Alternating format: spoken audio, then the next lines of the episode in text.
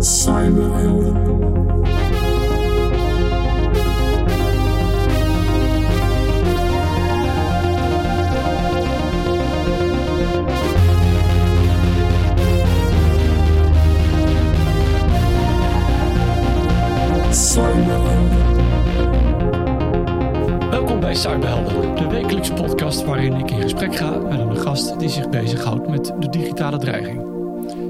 Is Ronald Prins en de cyberheld van deze week is Ot van Dalen. Ot heeft ooit Bits of Freedom opgericht en is advocaat geweest bij de Brouw, maar is op dit moment aan het promoveren op het thema encryptie, mensenrechten en achterdeurtjes. Ot, van harte welkom. Hoi. Hey, ik ben bij jou uh, langsgekomen om uh, het te hebben over uh, bijvoorbeeld ook die achterdeurtjes. Wat, wat speelt er op dit moment over? Ja, um, Grabberhaus die heeft een tijdje geleden aangegeven dat hij graag bevoegdheden wil introduceren die het mogelijk maken om um, chat-apps af te luisteren. Op dit moment zijn chat-apps eigenlijk helemaal versleuteld. Ja. dat betekent dat de overheid er niet bij kan. Um, en hij zegt, ja, dat moet veranderen. En, en hij is niet de enige. We zien dat dat een wereldwijde beweging is. Uh, in Amerika wordt het ook voorgesteld. Uh, je ziet dat uh, Australië daar, daarvoor pleit. Ja. En um, ja, dat is een discussie die nu langzamerhand begint weer momentum begint te krijgen. En um, ja, en het gaat hem dan natuurlijk om onderzoeken rondom terrorisme of kinderporno worden denk ik vaak als voorbeeld genoemd. Hè? En maar uiteindelijk zit het in de berichten die we via WhatsApp met elkaar versturen. Als wij nu met elkaar gaan zitten appen, en jij gebruikt geen WhatsApp, dan ben je fel tegen, denk ik. Maar, uh, dan staat er altijd eerst netjes in beeld dat er een sleutel uitgewisseld is. En dan zijn we end-to-end versleuteld. En alleen wij hebben dan de sleutels, hè, de, de twee toestellen die met elkaar praten, om uh, de berichten, berichten te kunnen lezen en verder niemand. Maar is het nou niet ook gewoon eigenlijk legitiem dat de overheid af en toe is kan afluisteren. We hebben ook daarvoor wetgeving, dus ze mogen tap zetten. En uh, ja, die encryptie moet er dan toch ook af kunnen? Ja, zeker, inderdaad. We hebben uh, gewoon in het verleden natuurlijk al, heeft de politie altijd de mogelijkheid gehad om uh, taps te zetten bij, laten we zeggen, telefoongesprekken. En um, ja, het ligt natuurlijk voor de hand, hè, denk je misschien, dat dat ook in de digitale wereld zou moeten, want het zijn ook een soort telefoongesprekken. Um, maar uh, waar een uh, gewone tap uh, alleen maar effect heeft op één telefoonlijntje, zeg maar. En het ook best wel moeilijk is om, om die tap te zetten, want dan moet je naar de telecomprovider, et cetera. Mm -hmm. um, heeft een tap op chat-apps heeft ook andere complicaties, zeg maar, die je in die oude discussie niet kent. Dus dat is het, dat is het eerste de, de, de vraag, wat, wat zijn die complicaties dan? En ten tweede is het zo dat sinds uh, we nog met uh, oude telefoons werken en nu, nu werken we met nieuwe, um, worden, is er steeds meer informatie over ons bekend geworden. Dus het is voor de politie en de overheid ook steeds makkelijker geworden om gegevens over ons te verzamelen.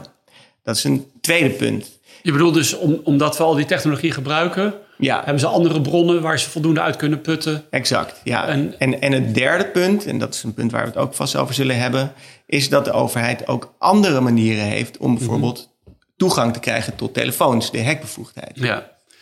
Maar ik wil toch even, echt wel even stil blijven staan bij die vraag van hoe dat het, dat het legitiem is, dat zeg je.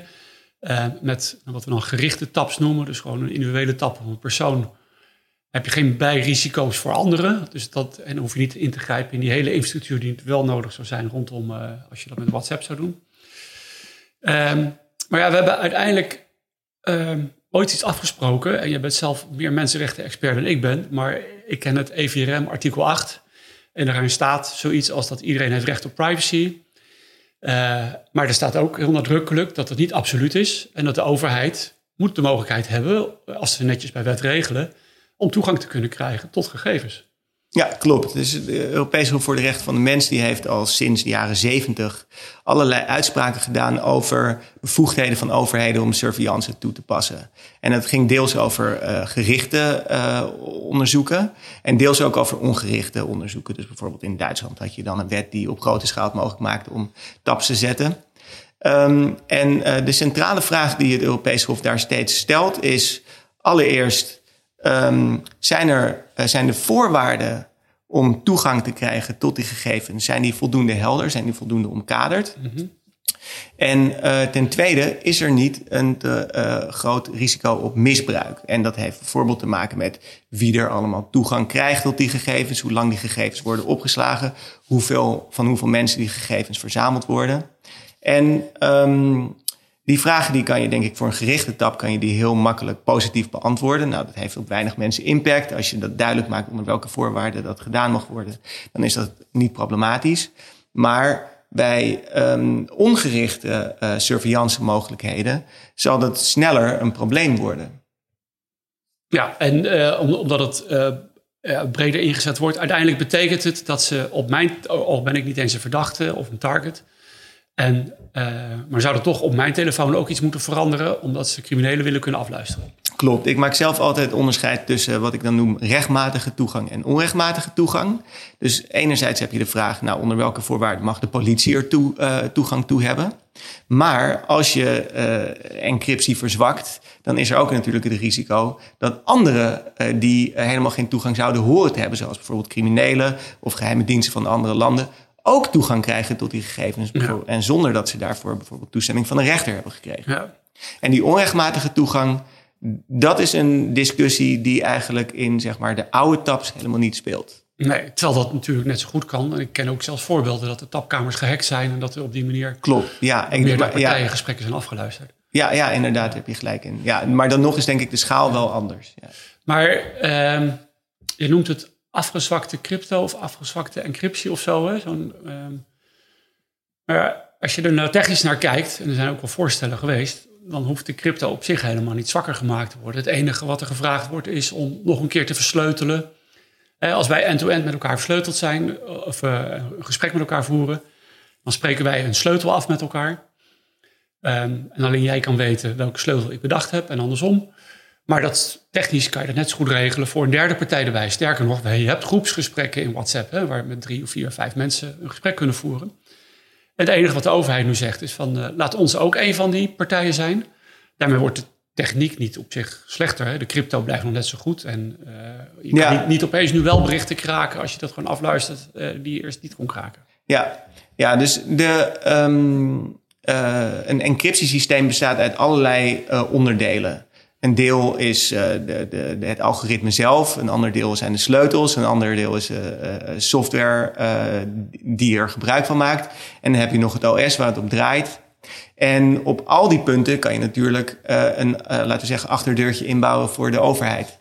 Um, en ik denk dat op al die punten eigenlijk de risico's voor misbruik um, een rol spelen. Het is misschien wel zo dat je zeg maar de cryptografische algoritmes zelf niet verzwakt. Mhm. Maar als er een manier is voor bijvoorbeeld een Engelse geheime dienst om uh, toegang te krijgen tot die uh, uh, communicatie, hè, bijvoorbeeld door zich toe te voegen aan een groepsgesprek zonder dat de deelnemers het merken, ja. dan is dat functioneel hetzelfde als het verzwakken van de algoritmes. In die zin dat die manier ook gebruikt kan worden door anderen. Of tenminste, daar is een risico op. Ja, ja. Maar ja, goed, ja, je zou misschien kunnen zeggen, als je dat toch al, als je zo goed bent in dat hacken om dat te misbruiken, dan kom je misschien ook wel rechtstreeks bij die gesprekken. Ja, nou ja, je ziet inderdaad ook dat WhatsApp bijvoorbeeld ook een, een, een uh, misbruikt wordt door uh, landen als Saoedi-Arabië om via de NSO-software uh, binnen te komen in gesprekken.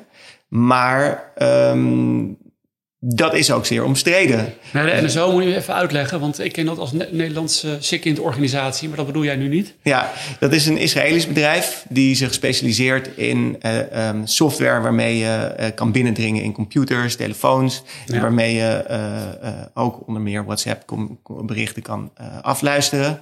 En we weten dat, of tenminste, er is en sterke aanwijzingen dat Jeff Bezos bijvoorbeeld um, via WhatsApp uh, zijn, dat zijn uh, telefoon is gehackt. Ja, oké. Okay. En uh, laten we maar gelijk dan dit bruggetje pakken. Uh, je kan dus ook gewoon telefoons hacken en dan hoef je dus niet iets met die encryptie te doen. Ze zijn toch al zwak genoeg, die telefoons, om binnen te komen.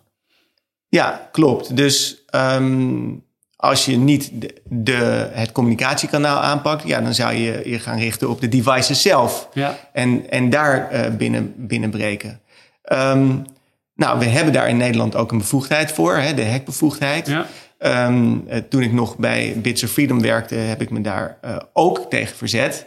Um, niet omdat ik de hekbevoegdheid zelf nou zo problematisch vond, maar omdat ook daar uh, je dus een situatie in stand houdt waarbij er kwetsbaarheden, um, waar, waarbij de overheid belang krijgt bij ja. het in stand houden van kwetsbaarheden. Um, en daarmee creëer je dus ook weer een risico op misbruik. Um, maar goed. Maar die wet is er nu? Klopt, die wet is er nu. Ja. En nou ja, zoals je eerder in je podcast ook al aangaf, is die niet zo vaak gebruikt. Ja. Um, en dat is natuurlijk wel een punt. Dat uh, het is voor overheden heel makkelijk om te zeggen: we moeten nieuwe bevoegdheden.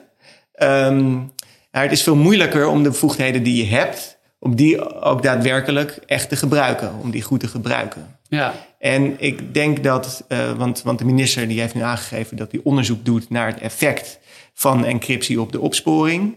In dat onderzoek zou ook meegenomen moeten worden waarom de hekbevoegdheid nauwelijks gebruikt wordt en of hij niet uh, meer gebruikt kan worden. Ja, en het WODC doet nu dat onderzoek. Dat ja. moet nog beginnen of het is bijna klaar? Of? Uh, nee, in december is opdracht gegeven aan ja. uh, WODC. Of tenminste, in december is er een brief uitgegaan naar de Kamer dat er opdracht is gegeven. Ja. En uh, ja, ik, ver, ik, verwacht dat dat in, hopelijk in het komende jaar toch wel lang zal komen. Want het is natuurlijk ter ondersteuning van het voorstel van Grapperhaus om die chat, om de versleuteling van die chatdiensten te verzwakken. Hey, en um daar is er ook wel wat ophef over. Hè. De NOS had er volgens mij uh, een aantal dagen geleden ook een verhaal aangeweid.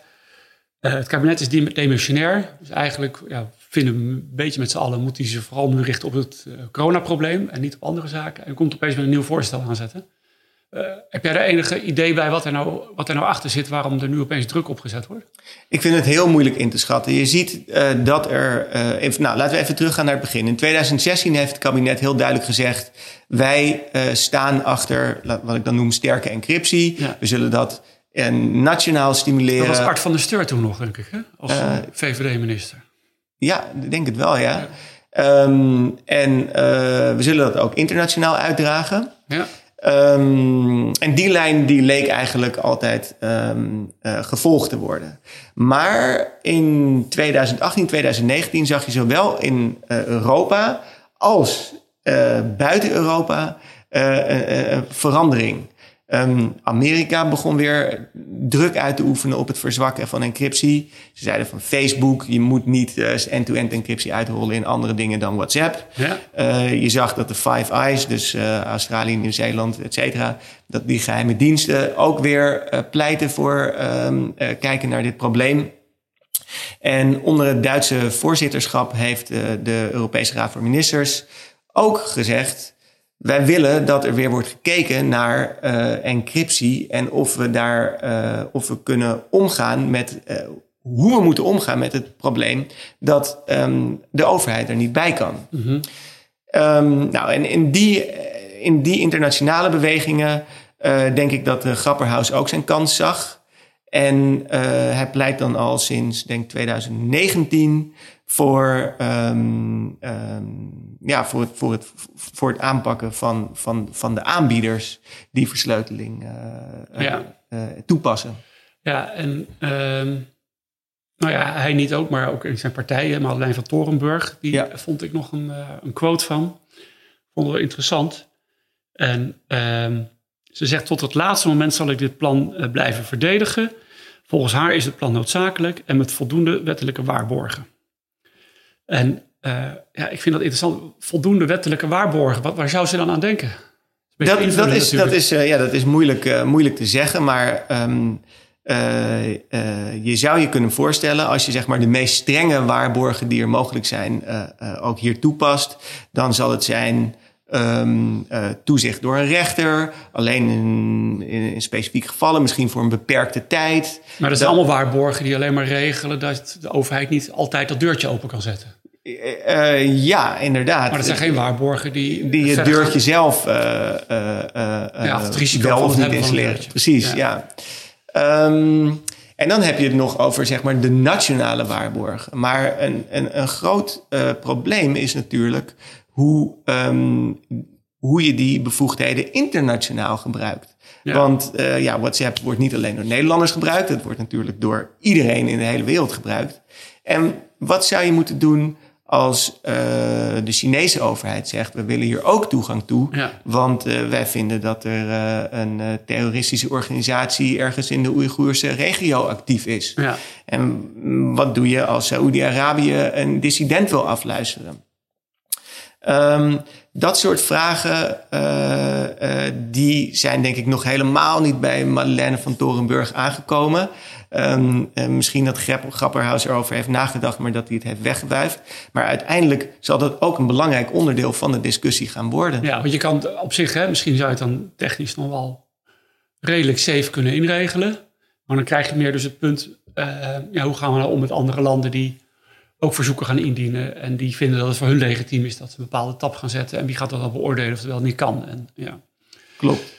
Nou ja, en um, ja, hoe, hoe, zie je nou voor je uiteindelijk dat, uh, dat we voldoende druk uit kunnen oefenen op, op WhatsApp of andere OTT-aanbieders? Dus uh, uh, on-top of OTT. Over de top. Over de top. Over de topdiensten. Dus, dus de, nou, het zijn eigenlijk de appjes die we gebruiken, de OTT-apps. En ehm, hoe, hoe, kunnen we dat nou voor elkaar krijgen dat WhatsApp dat dan ook daadwerkelijk zou gaan implementeren? Wat voor middelen heeft een overheid ervoor? Ja, dat, ook dat is inderdaad een, een, een, een vraag die ik uh, moeilijk kan beantwoorden, want ik heb het wetsvoorstel niet gezien. Mm-hmm. Ik begrijp nadat deze uh, podcast is uitgezonden dat er wel een, uh, een discussie over heeft plaatsgevonden in een onderraad van de ministerraad. Dus hier is wel degelijk wordt hier serieus over gepraat. En het zou ook zomaar kunnen dat er een echt wetsvoorstel ligt, al klaar ligt. Ja. Zelfs door een demissionair kabinet. Dat vind ik opmerkelijk. Um, maar uh, ik denk dat men zich zou, uh, het, het zou aansluiten bij de regel die nu al geldt voor uh, openbare tele, aanbieders van openbare te telecommunicatiediensten, ja. zoals de KPN's van deze wereld. En dat als jij in Nederland diensten wil aanbieden, dat je dat dan um, uh, alleen maar mag doen als je die versleuteling uh, ook toegankelijk maakt voor de overheid. Maar dan wordt dus eigenlijk telecomdiensten leveren in Nederland is vergunningsplichtig. Het instrument wat de overheid dan heeft is je vergunning intrekken op het moment dat je niet aftapbaar bent. Ja, dus ja, dat is eigenlijk voor OTT-diensten ook moeten zeggen. Dat mag je alleen nog maar als je ja, vergunning en, hebt. En, en, nou ja, en je voelt dat het is ten eerste natuurlijk heel onrealistisch. Ja. En ten tweede verhoudt het zich ook slecht tot Europees recht, kan ik me goed voorstellen. Want je, uh, ja, je bent dan uh, uh, grensoverschrijdende diensten aan het beperken. Um, een andere optie is dat je het wellicht via de platformaanbieders doet. Dus de, de Google, Google en Apple. Ja. Um, en, dus dat je tegen hun zegt, die, die apps mogen ja, in de App Store zitten. Ja, maar, maar dan is de vraag, waar heb je überhaupt die jurisdictie om, om, om dat van hun af te dwingen? Want ik neem aan dat die dat die uh, platformen uh, of die winkels, uh, app stores, dat die niet per se in Nederland liggen. Het wordt nog best wel complex. Ja. Maar, um, en daarom denk ik dat, dat uiteindelijk, stel dat je dit echt zou gaan doen, dan zal dat Europees gaan gebeuren. Dat kan, dat kan grappig, ja, ja. niet in zijn eentje. Nederland is er te klein voor. En die steun is er ook, hè? Frankrijk en Duitsland, je noemt net al wat landen. Ja, zeker. En dus de Raad van Ministers, die heeft, uh, de Europese Raad van Ministers, heeft een position paper uitgebracht uh, eind vorig jaar. Waarin uh, met als titel Security Through Encryption en Security Despite Encryption. Waarbij ze proberen die spanning van enerzijds uh, dat encryptie je ook wel veiliger maakt, ja. maar anderzijds dat het ook moeilijker maakt om opsporing te doen, uh, op te lossen. Ja. En deels uh, hebben ze voorstellen die ik, waar ik me prima achter kan scharen, zoals het, het uitwisselen van informatie tussen opsporingsdiensten over hoe je hiermee om moet gaan. Ja. Um, maar ze zeggen ook, wij willen die discussie gaan starten over hoe we aanbieders ja uh, de versleuteling van aanbieders kunnen verzwakken. Ja, en als, als ik nou steeds de, indruk heb hè, van. Um, maar dit is niet. Dit is de, nou ja, de, de, zoveelste keer dat deze discussie oplaait. Hè. Ik kan me nog herinneren in het begin ooit van de Clipperchip. Dat was in de 90 jaren, denk ik. Het skipjack, speciaal algoritme met een achterdeurtje. En, um, maar het, nou ja, dat is in ieder geval mijn beeld dat er nou ja, vooral mensen die aan de, aan de, juridische zijde eh, van deze materie zitten en zeggen, ja, dit moeten we toch gewoon kunnen regelen. En die trekken dat verhaal door met de Telecomwet 13.1. Dat moeten we ook voor OTT-diensten dan instellen. En, uh, dat er eigenlijk weinig inzicht in de materie zelf is. eh, over wat er nou precies, wat dat nou echt betekent dan als je dat gaat, gaat doen. Maar ondertussen moet dat toch wel naar boven gekomen zijn. Jij hebt met Bits of Freedom en andere NGO's zijn er al zo hard en zo vaak tegen ingegaan. Eh, wat wat moet, moet nou nog meer gebeuren om uit te leggen dat dit niet kan werken? Ja, ja nou, ik vind het sowieso interessant om te zien uh, uh, of we lessen kunnen trekken uit die eerste crypto wars, zoals ze dan heten. Hè? Dus in de jaren negentig was er ook een wereldwijde beweging om crypto aan banden te leggen. Toen ging het echt over de algoritmes, dus de export van algoritmes. Ja, en toen was crypto helemaal nog niet wijd verspreid. Hè? Exact. En, en ja. eens uh, programma's downloaden uit Amerika als er een sterk algoritme in zat. Ja, klopt. Uh, ja, dan, dan, dan, dan down, mocht je alleen maar een Netscape downloaden met een bepaalde uh, sleutelsterkte. Ja, en anders 40 dan bits. Het, ja, precies. Precies brute ja. force. um, en um, ook toen is er veel druk van, van wetenschappers, cryptografen is er uitgeoefend. Um, en um, het risico wat zij toen schetste was dat gaat misbruikt worden. We zijn niet goed in het beveiligen van sleutels. Een van de, een van de voorstellen was bijvoorbeeld key escrow, waarbij je sleutels bij een derde neerlegt, et cetera. Dat gaat misbruikt worden. Dat was toen nog allemaal heel theoretisch. Maar uh, nu, nu we in de tweede crypto wars zijn beland, is dat helemaal niet zo theoretisch meer. Want we weten dat overheden, geheime diensten, als ze um, uh, sleutels uh, zien langskomen, dat ze die ook willen hebben. Ja. En we weten bijvoorbeeld uh, dat de NSA bij Gemalto heeft ingebroken. Um, dat, dat, was een fabrikant van SIM-kaarten. En daarin waren ook sleutels werden erbij gehouden, Ja. waarmee de communicatie versleuteld werd. Nou, dat was natuurlijk een goudmijn. En, um, ging om miljarden, hè? Miljarden sleutels. Miljoen, ja, nou ja, miljoenen. In ieder geval heel erg veel. Een ander voorbeeld is... Maar eh, oké, dat is dus dat is dan een bedrijf geweest, Gemalto in dit geval, Ja, die sleutels aanmaakte die in onze simkaarten ook zitten. En eh, die zijn er niet toe in staat gebleken om dat te beveiligen. Maar dat is wat Ja. anders dan dat de NSA niet in staat zou zijn om hun geheimen goed te bewaren. stel, Ja. stel dat voor WhatsApp Ja.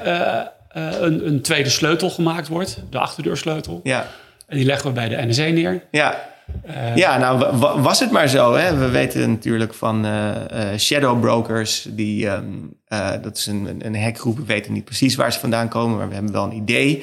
Ehm, die de kroonjuwelen van de NSA op straat hebben gegooid. Namelijk allerlei zero days en exploits die daarbij horen. ja. Ehm, en je kan je voorstellen als het al lukt om die informatie op te duikelen. Iets waar, waar de NSA echt zelf belang bij heeft, dat het, dat het veilig blijft. Ja. Ehm, waarom zou het dan eh, niet lukken om eh, sleutels eh, te breken? ja. Ehm, Maar ja, je zou nog kunnen zeggen dat de, de zero days die de, van gestolen zijn van de NSA, dat was natuurlijk onderdeel van tooling die ook wel gebruikt moest worden op het internet. Dus dit zat op computers die gewoon verbonden waren met internet. Daarom konden die shadow brokers erbij komen. Dat gaan ze straks niet doen, hopelijk. ehm, nou ja, god, die sleutels moet je ook op de een of andere manier toegang toe krijgen Ja. als, je ze, als je ze nodig hebt. Ik weet niet of je dat helemaal eh, offline kan doen.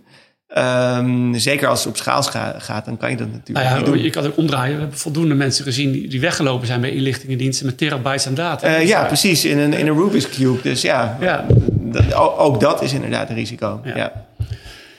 Ehm, ja, waar gaat dit uiteindelijk nu naartoe? Want eh, er zijn een aantal mensen zijn een beetje boos aan het worden. Eh, er komt een brandbrief, daar ga ik geloof ik ook een handtekening onder zetten. Ehm, die is al gepubliceerd als jullie dit horen, denk ik. Ehm, maar er komt straks een nieuw kabinet. Is dit een, een, eh, iets waar je iets van terug kan vinden in de verkiezingsprogramma's van de partijen? Stel dat je het echt een belangrijk punt vindt. Op welke partij moet je dan gaan stemmen? Ehm, een heel goede vraag. Dat, ik, volgens mij heeft geen enkele partij zich hier eh, hard voor gemaakt. Ehm, eh, ik hoop heel erg dat het volgende kabinet het standpunt dat het huidige kabinet uitdraagt, namelijk eh, encryptie moet, moeten we beschermen, Ja. dat ze dat overnemen. Ehm, ik verwacht dat, eh, dat dit een eh, stille dood sterft. Maar ik kan het niet helemaal uitsluiten dat het toch weer serieus momentum krijgt. Want we zien dus ook dat het in Europa een momentum krijgt. Ja. En wat ik dan hoop is. Maar is, dat- is, dit, is dit iets wat de EU kan opleggen, zeg maar? Dat het een directive wordt die we allemaal moeten gaan implementeren? Ja, dat vind ik een heel interessante vraag. Want de EU heeft natuurlijk maar bepaalde bevoegdheden. En ze Ja. mogen zich niet over alles eh, uitlaten. Hè. Als het over gaat over economie, dan mogen ze dat regelen. Maar als het gaat over nationale veiligheid, dan is dat, blijft dat voorbehouden aan de, eh, Lidstaten. aan de lidstaten. Ehm, die, dat spanningsveld zag je ook in de bewaarplichtrichtlijn, waar, waar- de, op grond waarvan dus eh, telecomproviders eh, verkeersgegevens moeten opslaan.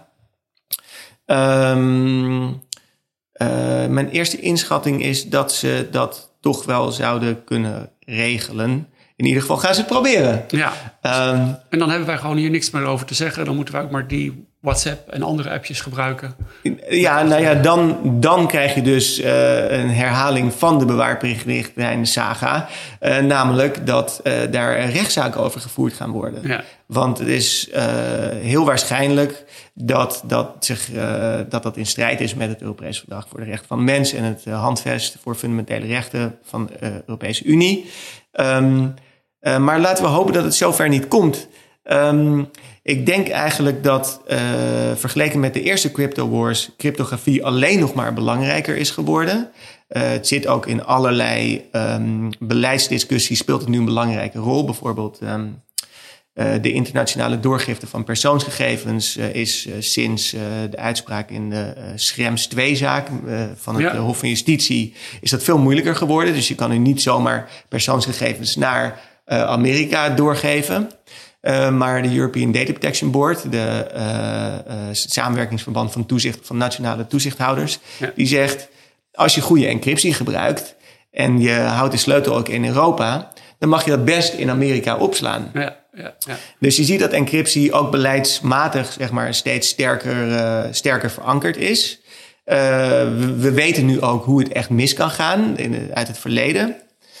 Um, en, en ik denk dat uh, het ook veel breder is uitgerold. Iedereen gebruikt WhatsApp. Ja. En, en, en heel veel mensen begrijpen ook waarom het belangrijk is. Nou ja, maar daarom, daarom is het ook, omdat iedereen het gebruikt, voor de politie juist zo belangrijk dat ze er wel bij kunnen. Want uit de telefoontaps komt niks meer in ieder geval tegenwoordig. Ja, nee, dat, dat klopt. En daardoor ja, zal de discussie misschien nog een keer op scherp komen te staan. Ja. En ik hoop heel erg dat we dan ook echt de details zullen uh, gaan uitdiepen. Want ja. we, vanuit, vanuit het uitgangspunt, prima. In, in beginsel moet de overheid hierbij ken, kunnen. Maar hoe zit het met de ongewenste neveneffecten? Ja, de vraag is, is het proportioneel om dat voor iedereen iets stuk te maken... Al, om bij een bepaald groepje mensen erbij te kunnen komen? Ja. Hey, en nou kunnen we eigenlijk...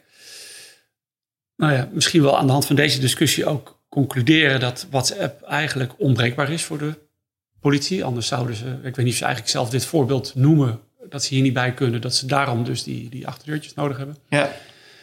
Um, wat raar is natuurlijk dat we criminelen juist gebruik zien maken van uh, PGP BlackBerry telefoons en wat recenter de EncroChat uh, telefoons.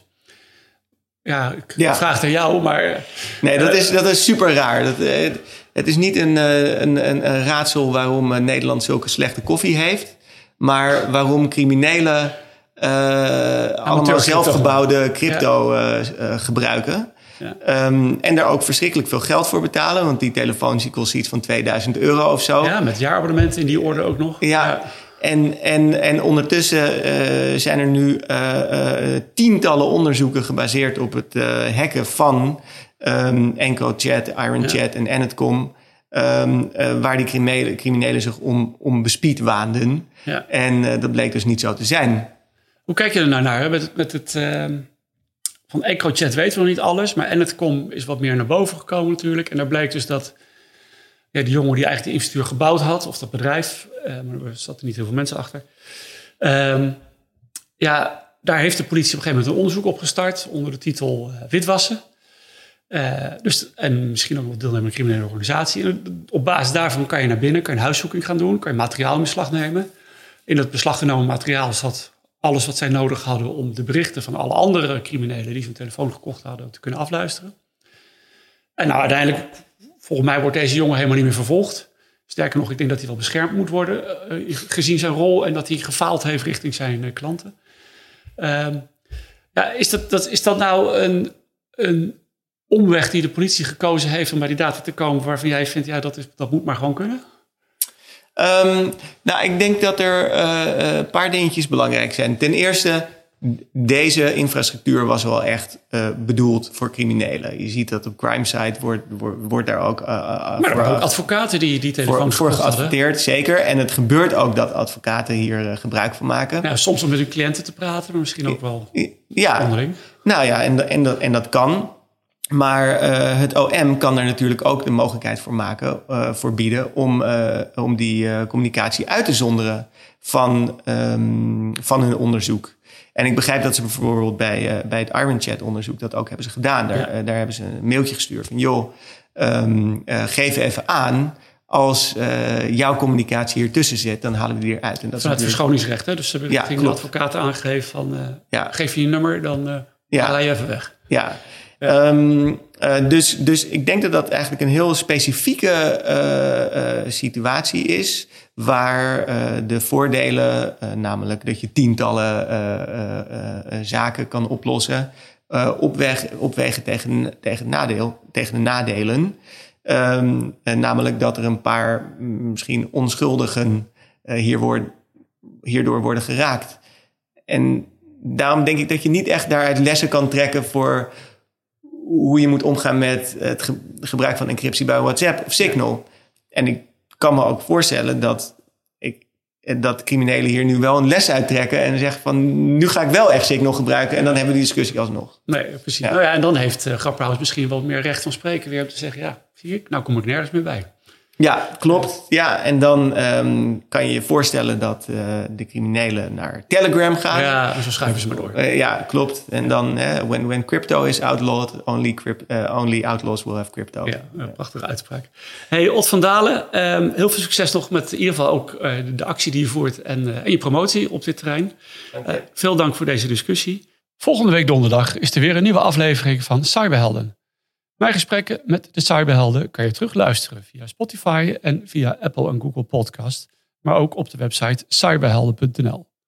Op die website kan je ook vragen of opmerkingen achterlaten. Dank voor het luisteren en graag tot volgende week.